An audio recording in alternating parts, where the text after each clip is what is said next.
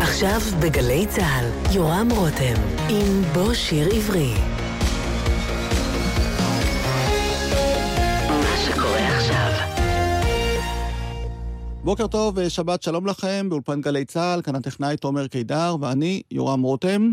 היום הוא יום השואה הבינלאומי, ולציון התאריך הזה אנו משדרים שוב תוכנית מלפני שלוש שנים, שבה אירחתי כאן את מירית פישלר, מדריכת מסעות של בני נוער ומבוגרים לפולין. שלום מירית. היי. המסע האחרון לפי שעה שהדרכת בפולין היה של המשלחת הראשונה מטעם ארגון עובדי צה"ל, עדים ללא מדים, שהיה לי הכבוד לקחת בו חלק. ובכל תחנה שאליה הגענו במהלך המסע המרתק הזה, בהדרכתך, השמעת שיר שקשור למקום שאליו הגענו ולהיסטוריה שלו, גם של המקום וגם של השיר. אז בשעה הקרובה נשמע חלק מאותם שירים וגם נספר עליהם. עם מה נתחיל? תכף נתחיל עם ורשה, אבל לפני כן... אה, אני רוצה לספר רגע לאן השירים לוקחים אותי במסע. אה, המטרה של המסע היא בעצם אה, לחלץ את תווי פניהם. להחזיר קצת מהקולות, מהשמות, מהסיפורים האישיים של האנשים. לא להשאיר את האנשים מאיזה מספר גדול שעבד לנו בשואה, אלא לדבר על האדם האחד, סיפור האחד. מתוך כך מגיעים השירים. שירים זה זמן להתבוננות. זה זמן שפתאום אה, יוצר איזשהו קשר למקום, אה, ומתוך כך אנחנו נתחיל בוורשה. אה, היום הראשון שלנו במסע. הרבה מאוד אה, נושאים דיברנו עליהם כשהיינו בוורשה, ובמסגרת הסיור שלנו במה שנקרא מסלול הגבורה, עצרנו ליד אבני דרך שמספרים סיפור של אנשים. אחד מהם הוא יצחק כצנלסון. יצחק כצנלסון אה, הוא אדם שמגיע לוורשה ובעצם משמש כעמוד תווך או איש מרכזי בתנועות הנוער, בפעילות תנועות הנוער. כותב, משורר, סופר. וכצנלסון, לשאלה אה, מי הוא גיבור, אה, לתפיסתי, הרצון הזה שלו לעשות מעשה, הרצון הזה שלו אה, בזמנים הכי קשים, להשפיע, לקחת את הנוער, לאסוף אותם, בזמן שכבר אין מסגרות חינוכיות. אה, זאת גבורה, גבורת הלב. כשסיימנו לדבר על כצנלסון, אה, השיר הראשון שנראה לי הכי מתאים היה השיר רוח עצוב.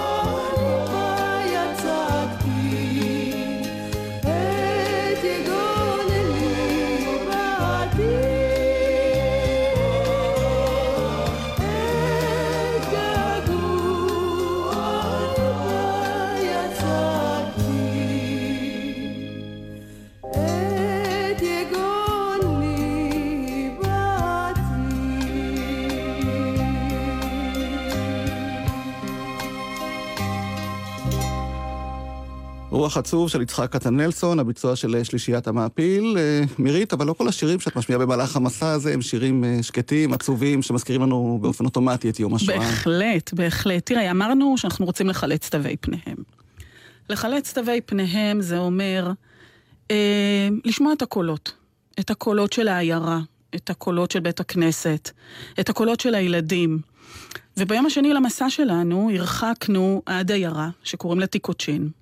בעיירה הזו אין יהודים היום, אבל היה מאוד חשוב לפתוח את הבוקר דווקא בלהכיר את הקהילה. להכיר את ההוואי של הקהילה, להכיר את הדמויות שחיו בקהילה. הלכנו הרבה מאוד עם הסיפור של מי שניצל בכל זאת מהעיירה, אברהם קפיצה, וסיפרנו על דמויות שונות, על השדכנית ועל הבלגולה. ואי אפשר היה שלא להגיע למקום המרכזי בעיירה, וזה כיכר השוק. כשעמדנו בכיכר השוק, סיפרנו סיפור של המאפייה, של אותם ילדים שרצים בשישי אחר הצהריים, עם סירים עמוסים בצ'ולנט שהכינו ההורים, שהכינו האימהות שלהם. Mm-hmm. רצים איתם למאפייה, עומדים בתור, ילדים קטנטנים, בני שמונה, עשר, ארבע עשרה, ומחכים שיכניסו את הסירים האחד אחרי השני לתוך המאפייה. ואתה יודע, יש הרבה מאוד סיפורים על ילדים שככה התבוננו בסירים אחד של החבר, כדי לחפש איפה הסיר היותר שווה. ששם יש דברים ככה קצת יותר טובים, ואז אותו ילד אומר לאופה, שים את הסיר הזה כאן, או מקפיד לראות איפה שם החבר שלו את הסיר, ומחכה. מחכה עד שבת בצהריים, אחרי שהתפילה בבית הכנסת נגמרת, והילדים רצים חזרה למאפייה, עומדים בתור, וכל אחד לוקח את הסיר, לאו דווקא שאימא שלו הכינה, אלא דווקא את הסיר שהוא שם עליו עין. חוזרים הביתה, יושבים המשפחות לסעודה של שבת בצהריים. כשעמדנו שם, אני חושבת שכשחיפשתי לעצמי, שוב, מה השיר שיכול אפילו להתנגן ברקע, בזמן שאני מספרת על ההוואי של השוק, על מה קורה כאן במכירת הדברים, על הקולות, קולות ביידיש, על הקריאות האלה של הסוחרים, מצאתי שהשיר של חווה אלברשטיין, סוס עם כתם על המצח, הוא לא שיר של השואה, אבל הוא שיר על חיי העיירה. וזה מה שרצינו לדבר באותו בוקר. מצאתי שזה השיר שמתאים לי.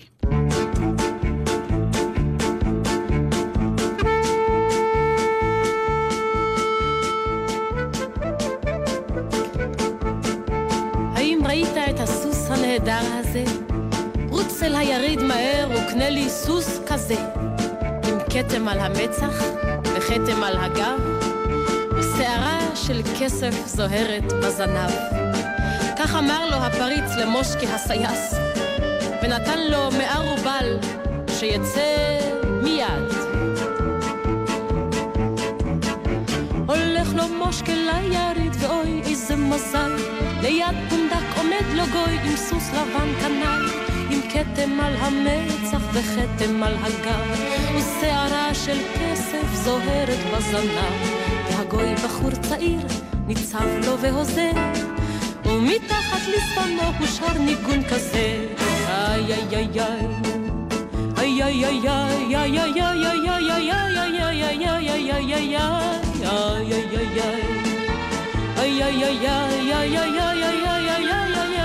למדני את השיר עשה נא לי טובה כך אומר לו מושקה והגוי בפיו תשובה תשלם לי קודם כמו שמקובל מחירו של הניגון הוא חמישים רובל מושקה את צרורו מוציא ומשלם מיד ואחרי דקה שרים שניהם כאיש אחד. איי איי איי. איי איי איי איי איי איי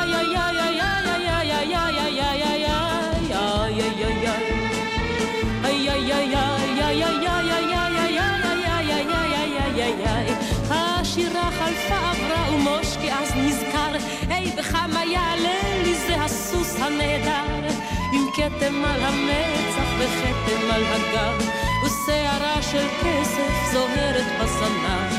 מערבל סך הגוי ומושקי אז משיב, חמישים שילמתי כבר אתן עוד חמישים. לא, לא, לא, לא, ולא צוחק הגוי, פה יש מסחר הגון. תמורת החמישים קיבלת כבר את הניגון. זה לא הולך ביחד ושיר אינו חינם. הצניע מושקה את צרורו והסתלק משם. טייל בין דוכני השוק, לרגע לא עמד, ולעצמו זימר הוא את השיר אשר למד. איי איי איי איי איי איי איי איי איי איי איי איי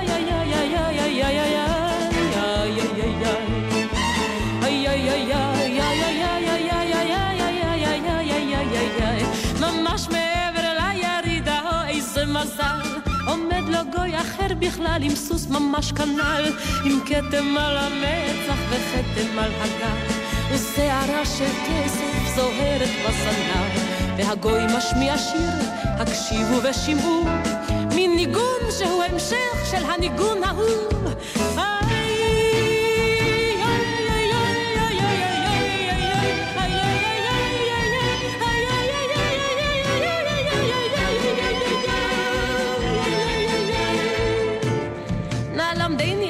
השיר עשה נא לי טובה, כך אומר לו מושקה והגוי בפיו תשובה. תשלם לי קודם, כמו שמקובל, מחירו של הניגון הוא חמישים רובל. מושקה מוציא את צרורו ומשלם מיד, ואחרי עוד רגע הם שרים כאיש אחד. וכשגמרו לשיר, שוב הוא נזכר, היי, כמה יעלה לי זה הסוס הנהדר? מערובל סך הגוי ומושקה, איי איי איי, חמישים שילמתי ואוסיף את מגפיי. לא ולא, הסוס לחוד מערובל עולה, חמישים שילמת לי על הניגון הזה. חוזר לו מושקה בלי הסוס והפריץ אהב, חובט בו וזורק אותו מתוך האחוזה, עם כתם על המצח וכתם על הגב, ואחריו מגורשים אשתו וילדיו. ובדרכים בין כפר לכפר, בין יער לבין עיר, גם ברב וגם בכפור הם לא חדלו לשיר. איי איי איי איי איי איי איי איי איי חווה אלברשטיין, בלדה על סוס עם כתם על המצח, שכתבו יורם תיארלב ומתי כספי, והעיירה התיקוצ'ין, שעליה אה, דיברנו, ממש אה, נראית עדיין כמו אותו שטייטל של טוביה החולב. היא היום אה, אתר לשימור מטעם אונסקו. יש בה חיים רגילים, כמו בפולין היום, רק אין בה אף יהודי. ואחד הרגעים המרגשים ביותר שהיה לנו שם בהדרכתך, מירית, הוא הביקור בבית הכנסת של העיירה. שעדיין אה, שמור וניתן לראות מה, מה היה בו בעבר. וכשישבנו שם ושרנו, אה, ככה עצמנו עיניים ושרנו ביחד את אה, כל העולם כולו גשר צר מאוד, ואדון עולם של עוזי חיטמן, זה ממש אה, אחד הרגעים המרגשים ביותר שעברנו במהלך המסע הזה, כי ממש הרגשנו שאנחנו מחזירים לאותו בית כנסת את הקולות שהיו בו פעם, ועוזי חיטמן הרי משפחתו בכלל מפולין, זאת אומרת, סגרנו איזשהו מעגל גם בשביל היוצר הנהדר הזה. מה עלה בגורלם של אותם יהודי תיקוצ'ין, אותה קהילה עשירה שעליה דיברת? אוקיי, okay, אז באמת, ככה אחרי שהקדשנו את הבוקר בלהכיר את הקהילה אה, ולספר את סיפור בית הכנסת, אה, נסענו בדרך אה, שהיא לא דרך ארוכה מדי, דרך של חמש, עשר דקות, שבעצם, יורם, אתה יודע, מספרת את הסיפור הטרגי של כל אותם שטייטלים על קו מזרח פולין. אותם אלו שבמעבר חד מאוד, עד אתמול, לצורך העניין, חיו חיים רגילים. אזור שהיה תחת הסכם ריבנטרופ מולוטוב, ובעצם מבצע ברברוסה משנה שם את כל התפיסה. נכנסים הגרמנים פנימה, ובאחת אוספים את היהודים באותה כיכר שדיברנו עליה רק עכשיו, ומובילים אותם. מובילים אותם אל היער, אל היער הסמוך, יער לפוחובה. הדרך שבה נסענו היא הדרך שבה ילכו 1,700 היהודים, כולם בלי יוצא מן הכלל, משפחות, קהילה שלמה, אחד מכיר את השני, זה לא חיים של עיר, זה משהו הרבה יותר אינטימי, הרבה יותר קטן. הדרך לא השתנה בה יותר מדי.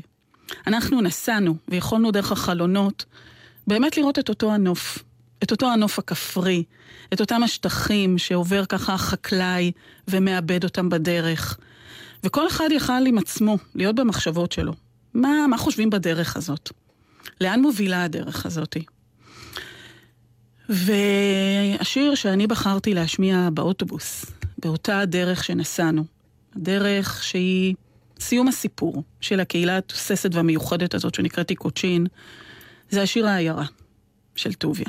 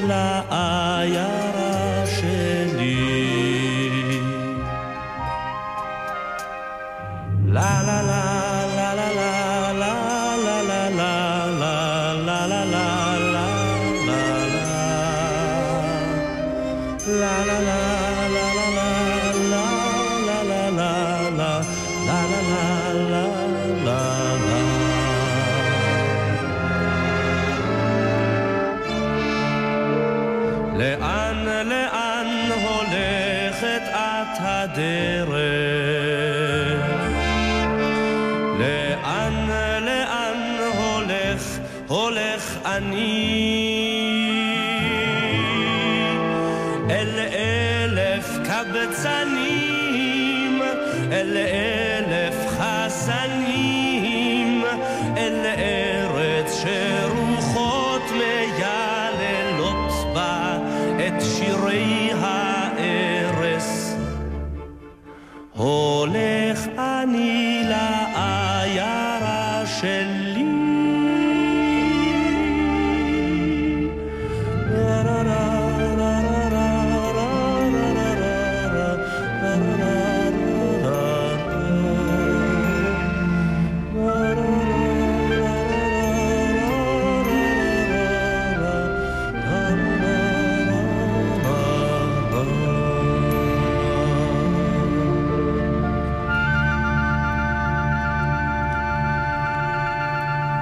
יורם גאון בשירם של חיים חפר ודובי זלצר, עיירה של טוביה. בראש המשלחת הראשונה הזו של ארגון עובדי צה"ל לפולין, עדים ללא מדים, עמדו יושב ראש הארגון, ארגון עובדי צה"ל, משה פרידמן, ואלוף משנה אפי רוזן, ראש מרכז תעסוקת אזרחים בצה"ל, שסיפר לנו על חשיבותו של המסע הזה בעיניו. המסע הזה הוא בעל חשיבות כפולה מבחינתי, גם מן הפן האישי וגם מן המקום שבו אני היום עומד. ראשית, השואה אצלנו היא דבר שבא מתוך הבית. סבא שלי נרצח בשואה ואני גדלתי לתוך האירוע הזה. הוא חלק ממני, הוא ביומיום, הוא לא יום אחד בשנה ואני חי אותו ואני חושב שהוא חלק מהזהות היהודית שלי. כאזרח ובוודאי כקצין בכיר היום בצה"ל. ומן הפן השני, כראש מרכז תעסוקת אזרחים עובדי צה"ל, סברנו שהגיע העת שהארגון הזה שמייצג כשבעת אלפים עובדים שהם חלק בלתי נפרד מהצבא שלנו, מצבא הגנה לישראל, ראוי שגם הוא מקומו לא יפקד שם ויבקר במקום שבו בעצם רבים מאחינו מצאו את מותם רק מפני שהם היו יהודים. ואני חושב שיש לזה חשיבות למסע הזה כמסע הראשון, ובוודאי שאני סבור שישנה חשיבות רבה להנחיל את זה כמורשת ולהפוך את זה למסע שיוצא מדי שנה, בהתאם להרבה מאוד גופים במדינת ישראל שעושים זאת, ואני חושב שזה ראוי להערכה. ואחד הרגעים שלקחתי איתי והוא יישאר איתי לנצח הוא הרגע שבו עמדתי בבית העלמין היהודי בוורשה, אל מול קברו של ילד שמצא את מותו ביום מסוים, ובעצם הביאו אותו לקבורה רק עשרה חודשים לאחר מכן. המשמעות היא שזוג הורים אחזו בגופת בנם הקטן עשרה חודשים בביתם, מגולגלת כנראה באיזשהו סדין או שטיח, כפי שהבנו, רק מכיוון שלא יכלו להוציא אותו פן ייחשפו גם הם. אני חושב שההבנה שזוג הורים יכולים להיות לצד גופת בנם הקטן שזה עתה נהרג, כל כך הרבה חודשים, יש בה כדי לספר את הסיפור של הזוועה הנוראית שעברו היהודים בזמן השואה, שבעצם הפכו אותם לאנשים שאיבדו כל צלם אנוש. ולא רק זאת, לאחר שהשפילו אותם וגרמו להם לאבד צלם אנוש, גם הובילו אותם אל תאי הגזים. זה זיכרון שנחרט בליבי ובמוחי.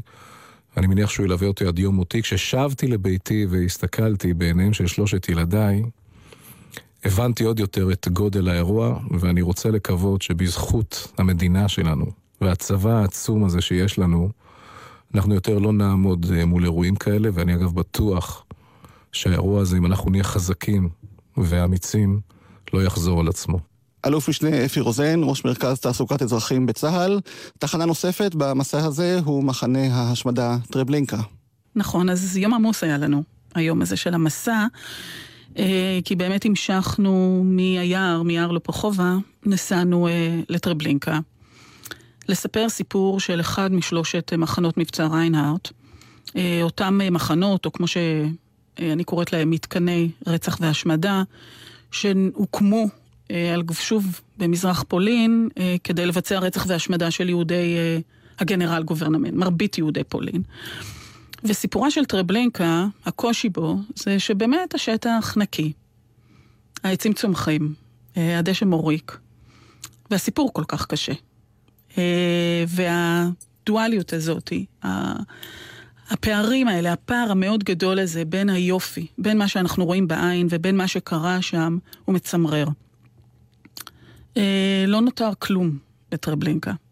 לא נותר מבנה שאנחנו יכולים להיכנס לראות בעין משהו, לא נותרה דלת עומדת, ובכל זאת, אה, במשך 13 חודשים, 870 אלף יהודים נרצחים שם על האדמה. אה, והסתובבנו בשקט, היינו לבד במקום הזה. אה, קר, רוח חזקה. הסתובבנו, ובאמת ככה בכל דרך, ובכל תחנה בדרך, ניסינו לספר אה, על התהליך, על מה קורה, איך נוסעים ברכבת, מה מרגישים ברכבת, איפה עוצרות הרכבות. אה, ובשלב מסוים, אה, כשדיברנו שוב על אותה נסיעה ברכבת, על היהודים היורדים, משאירים את הציוד שלהם על הרמפה ומתחילים אה, להסתדר בטור אחד שהוא טור הנשים והילדים, וטור אחד שהוא טור הגברים, אמרתי לך כבר בתחילת השיחה בינינו, ששירים הם זמן להתבוננות. אה, להתכנסות פנימה, של כל אחד באמת עם המחשבות שלו. ועד עכשיו אה, שמענו שירים שהם בשפה העברית. ובכל זאת, אה, השפה שבה דיברו שם בפולין, מרביתם של היהודים, היא דווקא היידיש. ואני מוצאת לנכון שבמהלך המסע צריך גם לשמוע שירים בשפה היידית. והבחירה שאני בחרתי הוא דווקא שיר לא כל כך מוכר, אה, אבל שמקפל בתוכו סיפור עם שם אחד של ילדה אחת. שיר שנקרא אחותי חיה. המשורר שכתב את השיר הזה, בינם הלר, אה, נולד בפולין. הוא עצמו אה, ניצל מהשואה, עלה לארץ ב-1957, באמת כאן בגיל 90. כתב כל חייו ביידיש, באמת משורר שלא רבים ידעו על קיומו. חווה אלברשטיין הלחינה שני שירים שלו, שאחד מהם הוא השיר הזה שנקרא אה, מנשווסטה חיי, אה, לאחותי חיה, ואני אקרא אולי את המילים בתרגום חופשי שלי, כדי שמי שלא מכיר את השיר אה, ולא מבין יידיש, יוכל להבין על מה שר החווה בשיר הזה. לאחותי חיה היו עיניים ירוקות, לאחותי חיה היו צמות שחורות. אחותי חיה היא זו שגידלה אותי, בבית ברחוב סמוצ'ה, עם המדרגות הגדולות. אמא עזבה אותנו עם שחר כשהשמיים בקושי האירו. היא הלכה לחנות להרוויח פרוטות, וחיה נשארה עם הבנים. האכילה אותם והשגיחה עליהם. בערב כשהקטנים התעייפו, היא שרה להם שירים יפים. אחותי חיה, עיניה היו ירוקות, אחותי חיה, שערה היה ארוך. אחותי חיה היא זו שגידלה אותי. היא לא הייתה אפילו בת עשר. היא נקטה ואפתה והגישה את האוכל, היא רחצה את ראשינו הקטנים, היא רק שכחה לשחק איתנו. אחותי חיה, צמותיה היו שחורות. אחותי חיה עם עיניה הירוקות, נשרפה על ידי הגרמנים בטרבלינקה. ואני, במדינה היהודית, האחרון שהכיר אותה, ובגללה אני כותב את שיריי ביידיש, בגלל שזו השפה היחידה שהיא הבינה.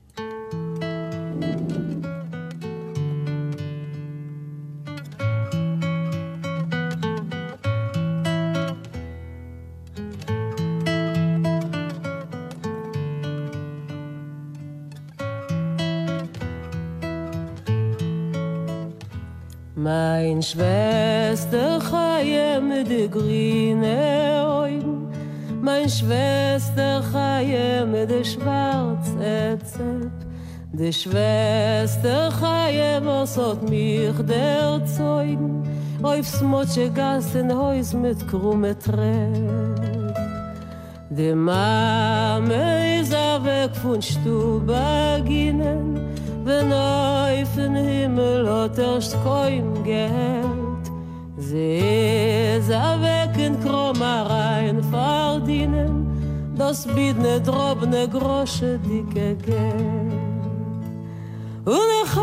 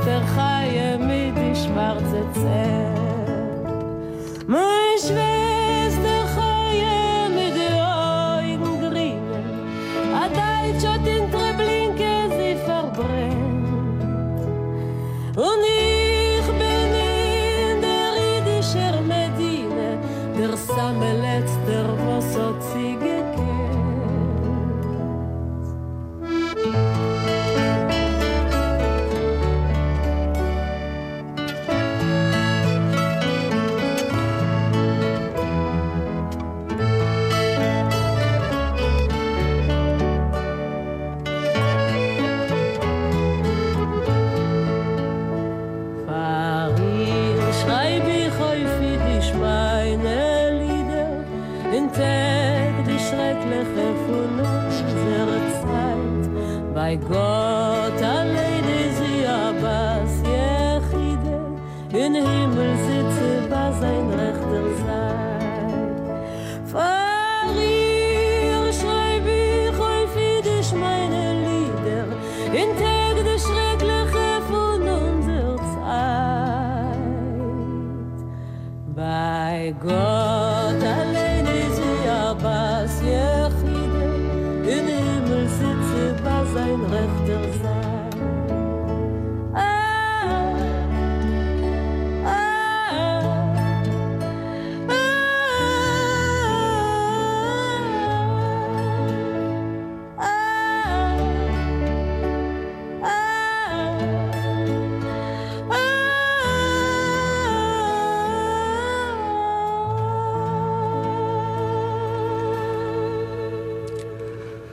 חווה אלברשטיין והקלזמטיקס, מתוך אלבום שנקרא הבאר, כולו שירים ביידיש מרגשים מהסוג הזה. תחנה נוספת במסע, יאיר לודג', שלא תמיד אה, מצליחים להגיע אליה במשלחות שאת אה, מדריכה, אבל אה, הפעם הגענו אליה. בואי תספרי קצת על העיר ו... נכון, אז קודם כל אני רואה חשיבות גדולה. גם כשנוסעים לפולין, כשנוסעים לפולין, מאוד חשוב, אני, זה להכיר כמה שיותר. אנחנו הולכים להכיר עולם יהודי שחי בפולין אה, ועבד לנו בשואה. חוכמה במסע לפולין בעיניי היא לא רק לדבר על ההשמדה, אלא באמת להכיר את הקהילות. אז היינו בוורשה, ואחר כך נסענו לשטייטל, והחיים בשטייטל הם חיים שונים. ועכשיו אה, לקחנו את עצמנו, קמנו בבוקר ונסענו ללודג'. לודג', העיר השנייה בגודלה בפולין. אה, ב-1739, 11 יהודים חיו בלודג'. ב-1939 חיו בה כבר רבע מיליון יהודים. הגידול הזה מלמד הרבה על החיים של היהודים אה, בקהילה הזו, בעיר הזאת. עיר תעשייתית חשובה מאוד, והיהודים משתלבים מהר מאוד אה, בעמדות מפתח. אה, סיירנו בבית הקברות היהודי, בלודג', שרק מהשוטטות בו אפשר באמת לראות איזה חיים היו בקהילה הזו, איזה דמויות פעלו בקהילה, כמה הן היו חשובות. ואחרי הסיור שלנו בבית הקברות, נסענו לתחנת השילוחים, לרדגסט. ברדגסט, תחנה קטנה, עם קרון, קרון אה, מקורי, שבו באמת נסעו היהודים אה, לאושוויץ בירקנאו. והכי נורא שהתחנה הזאת עומדת במקום שעד עכשיו, גם כשעמדנו שם, יכולנו לשמוע רכבות ממשיכות לעבור.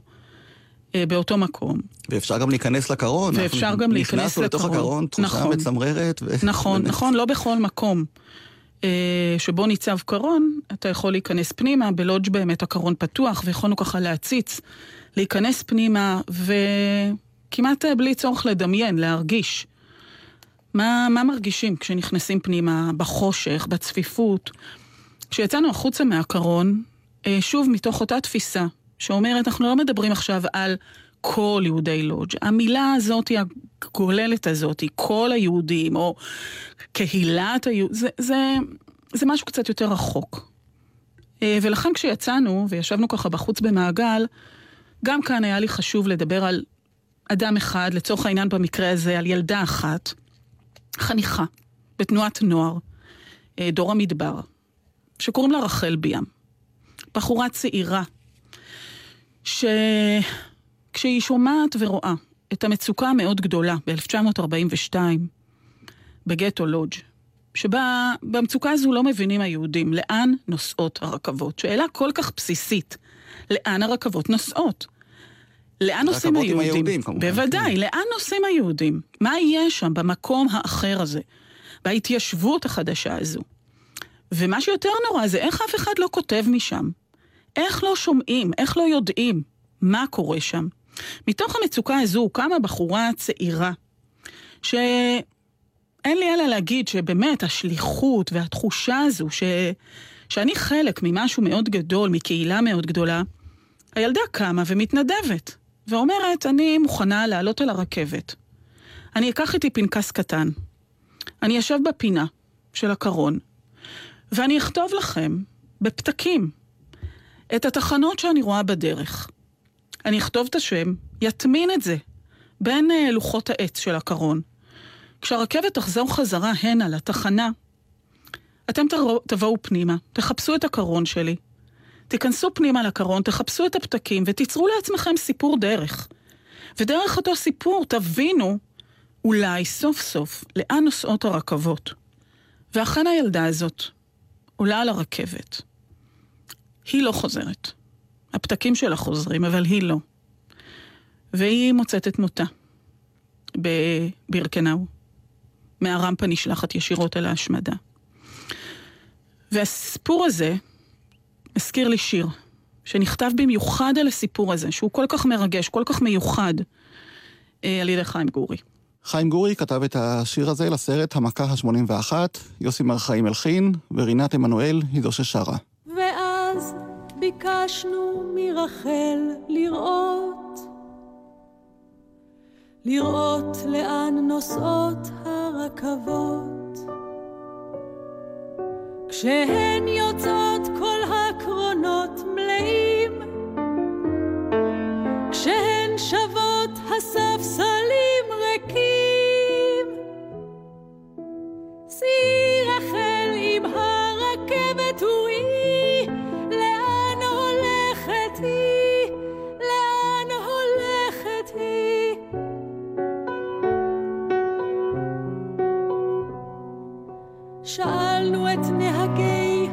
הקטרים, לאן נוסעים היהודים שבקרונות,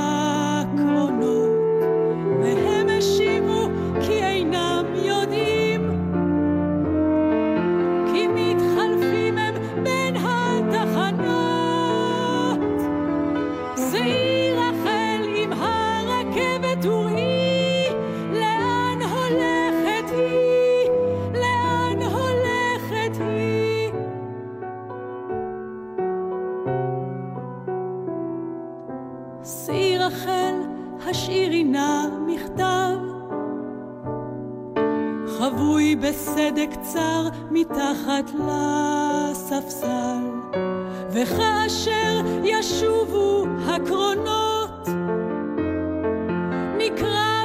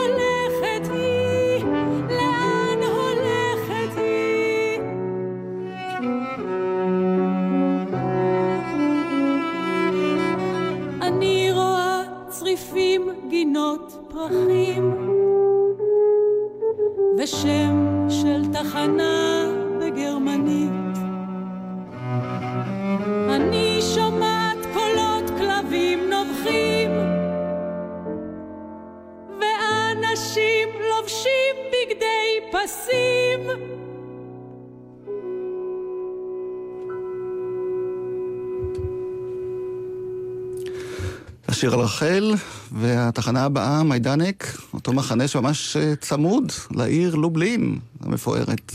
של נכון, פעם. נכון, נכון. אה, אז באמת יום אה, כמעט שלם הקדשנו לעיר לובלין, שהיא עיר מאוד חשובה כשאנחנו מספרים את סיפור היהודים, או העולם היהודי כולו שחי בפולין ערב המלחמה. סיפרנו רבות על הרבה מאוד תחנות חשובות ומשמעותיות בעיר לובלין, ולקראת צהריים באמת הגענו אה, למיידנק. סיור אה, מאוד ארוך עשינו במיידנק, שוב היינו לבדנו. אה, וגם כאן, מתוך התפיסה שאומרת, אה, בוא נלך עם סיפור אחד, אה, ואם נזכור אותו, הרווחנו. במקום לדבר שוב בהכללות, וכאן אה, בחרתי ללכת עם סיפורה של אלינה, אלינה בירנבוים, אה, שגם כתבה ספר שנקרא החיים כתקווה, ובו היא מתארת ומספרת את אה, קורותיה אה, בתקופת השואה.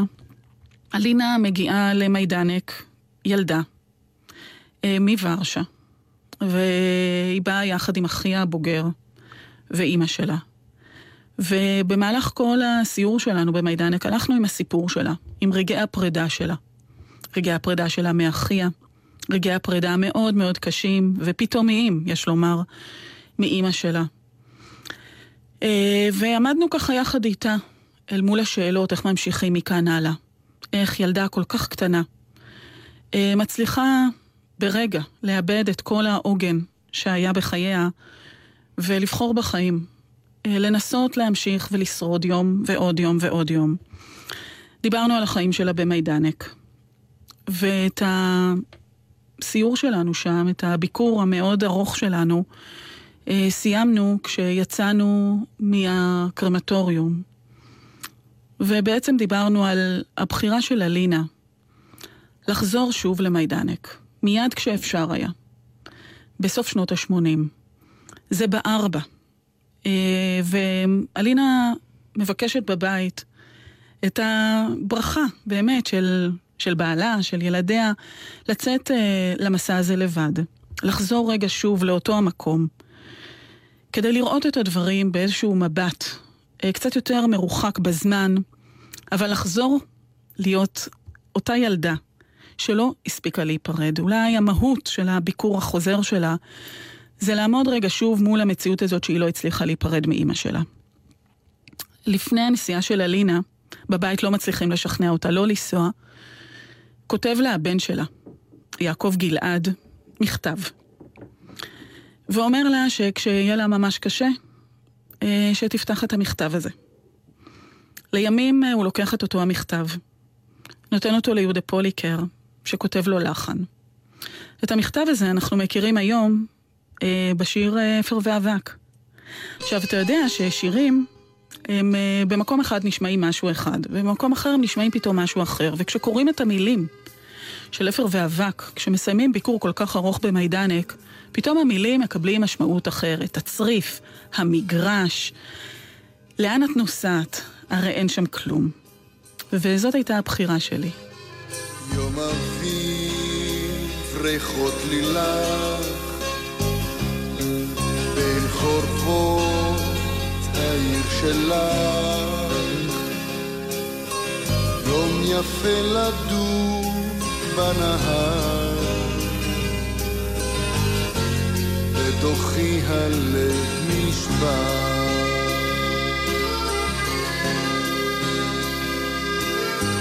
שם הייתה בינה ילדותך אישה קטנה אנשים שאיש לא מכיר אין אפילו בית שיזכיר ואם את נוסעת לאן את נוסעת הנצח הוא רק אפר ואבק לאן את נוסעת? לאן את נוסעת? שנים וכלום עוד לא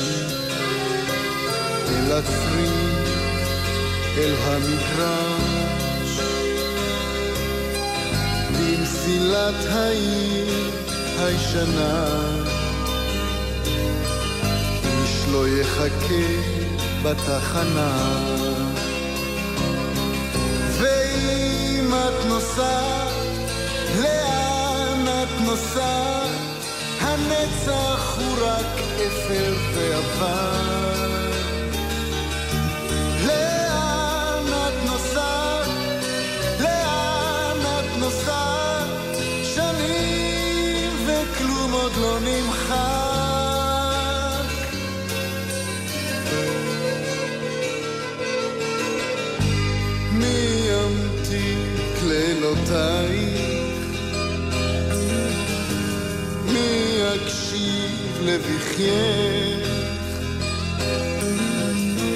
מי ישמור צעדייך בדרכך?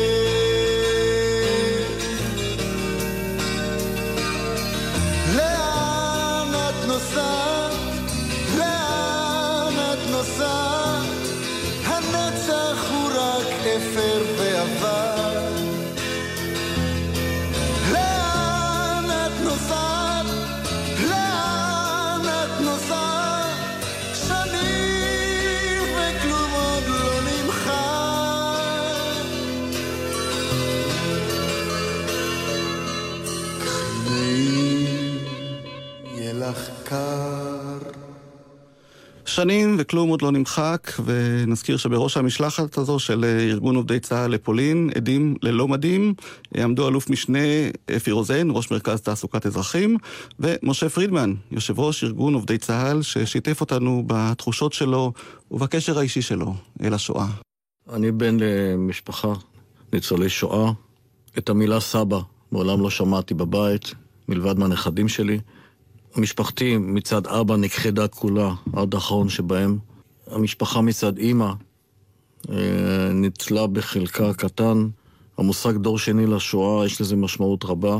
ואכן שבארגון עובדי צה"ל עלה הנושא של אה, סיור במחנות או מסע למחנות, ברגע הראשון אה, עלה בדעתי להתחמק מהעניין, אבל לאחר מחשבה שנייה ושכנועים של חברים קרובים, החלטתי שאני אצא בראש המסע, ואכן כך היה. מבחינתי זה היה יותר מהתרגשות, אלא גם לימוד, כי מצאתי את עצמי שאני לא מכיר עד הסוף את ההיסטוריה של העם היהודי בפולין, ומצאתי את עצמי שאני עדיין, כל הפרטים ששמעתי ממשפחתי, עדיין לא ברורים לי, אה, ואכן הרבה דברים התבהרו כשהייתי שם.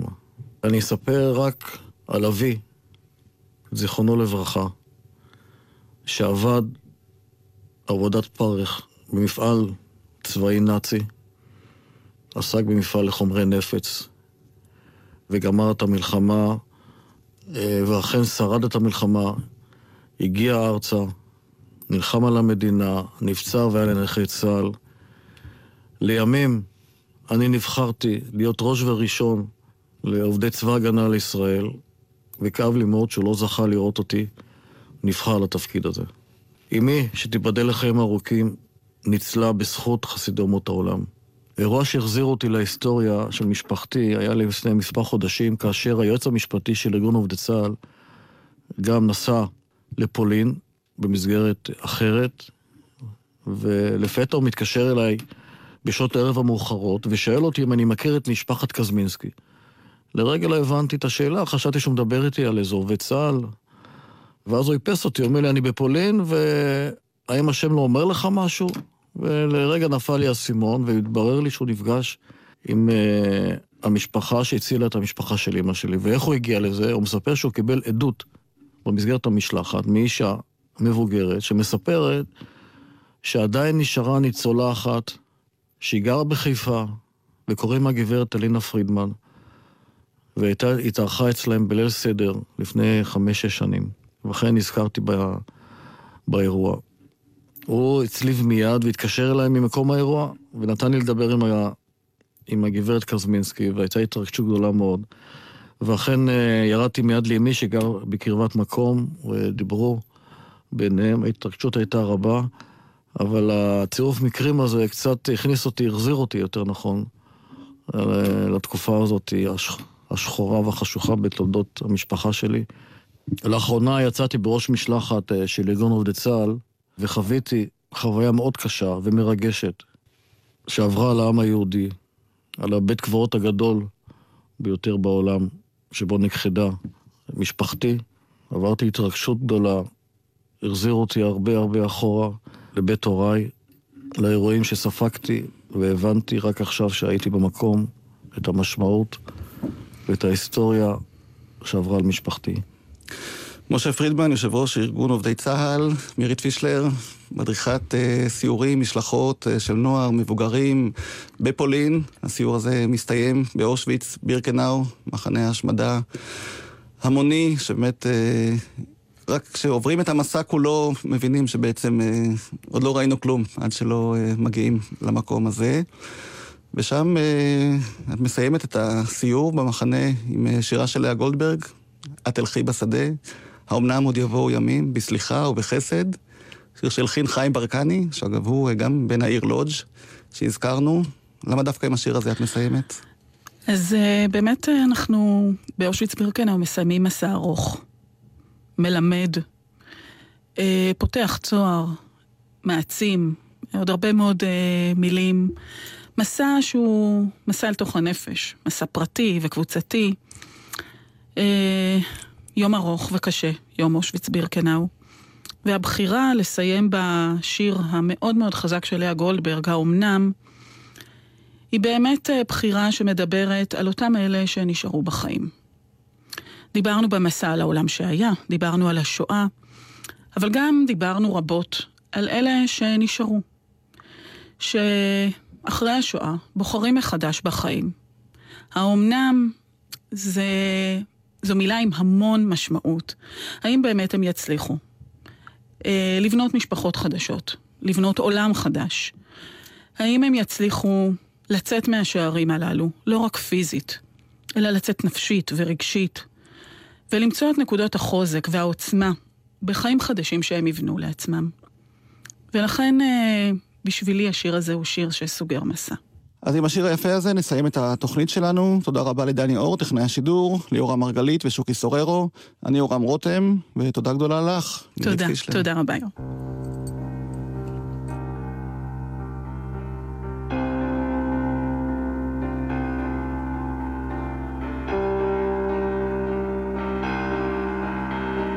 התוכנית הובאה בשידור חוזר לציון יום השואה הבינלאומי שחל היום. האומנם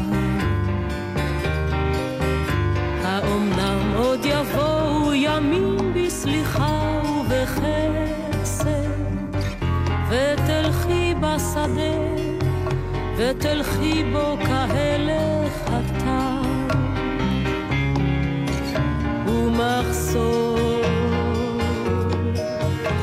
ומחשוף כף רגלך ילטף בעלי אספסת או שלפי שיבולים ידקרוך ותמתק דקירתה או מטר ישיגך בעדת טיפותיו הדופקת על כתפייך חזך צווארך וראשך רענן. ותלכי בשדה וירחב בך השקט כאור בשולי הענן.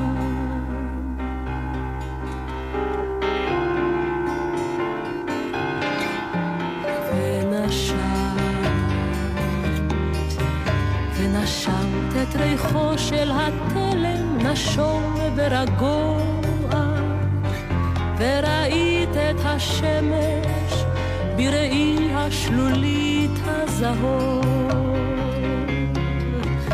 ופשוטים ופשוטים הדברים וחיים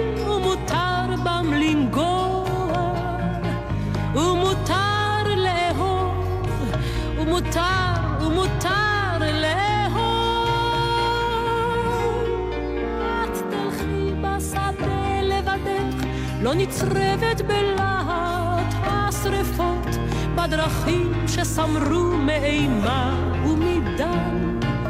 וביושר לבב שוב תהי ענווה ונכנעת כאחד הדשאים כאחד האדם.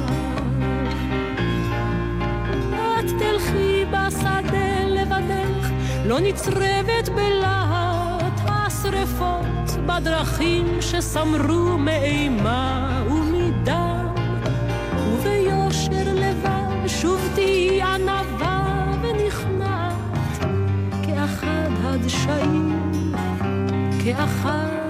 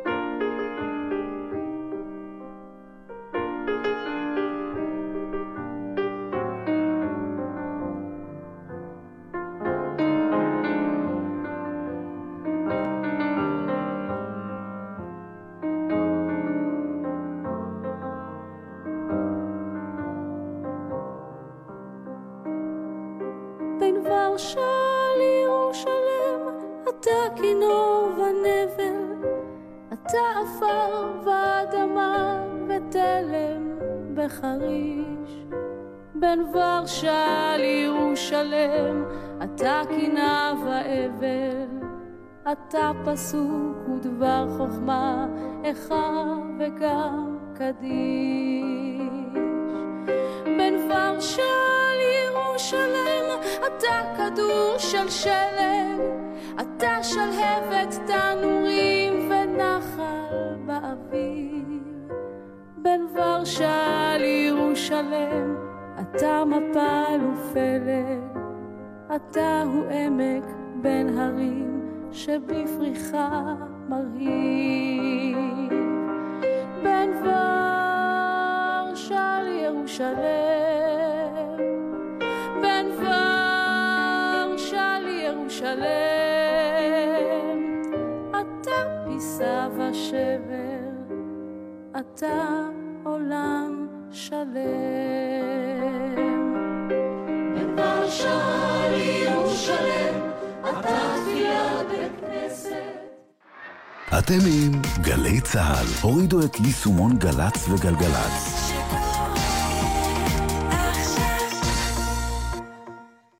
זו אותה הנסיעה לעבודה, הביתה ולבית הספר. אבל בחורף זה לא אותו הכביש. נהגים, בחורף קשה יותר להבחין בהולכי הרגל ולהספיק לבלום בזמן, גם כשהדרך מוכרת. נוסעים לאט ונותנים זכות קדימה להולכי הרגל החוצים את הכביש או המתכוונים לחצות אותו. נלחמים על החיים עם הרלב"ד, הרשות הלאומית לבטיחות בדרכים. מיד אחרי החדשות, יעקב אגמון עם שאלות אישיות.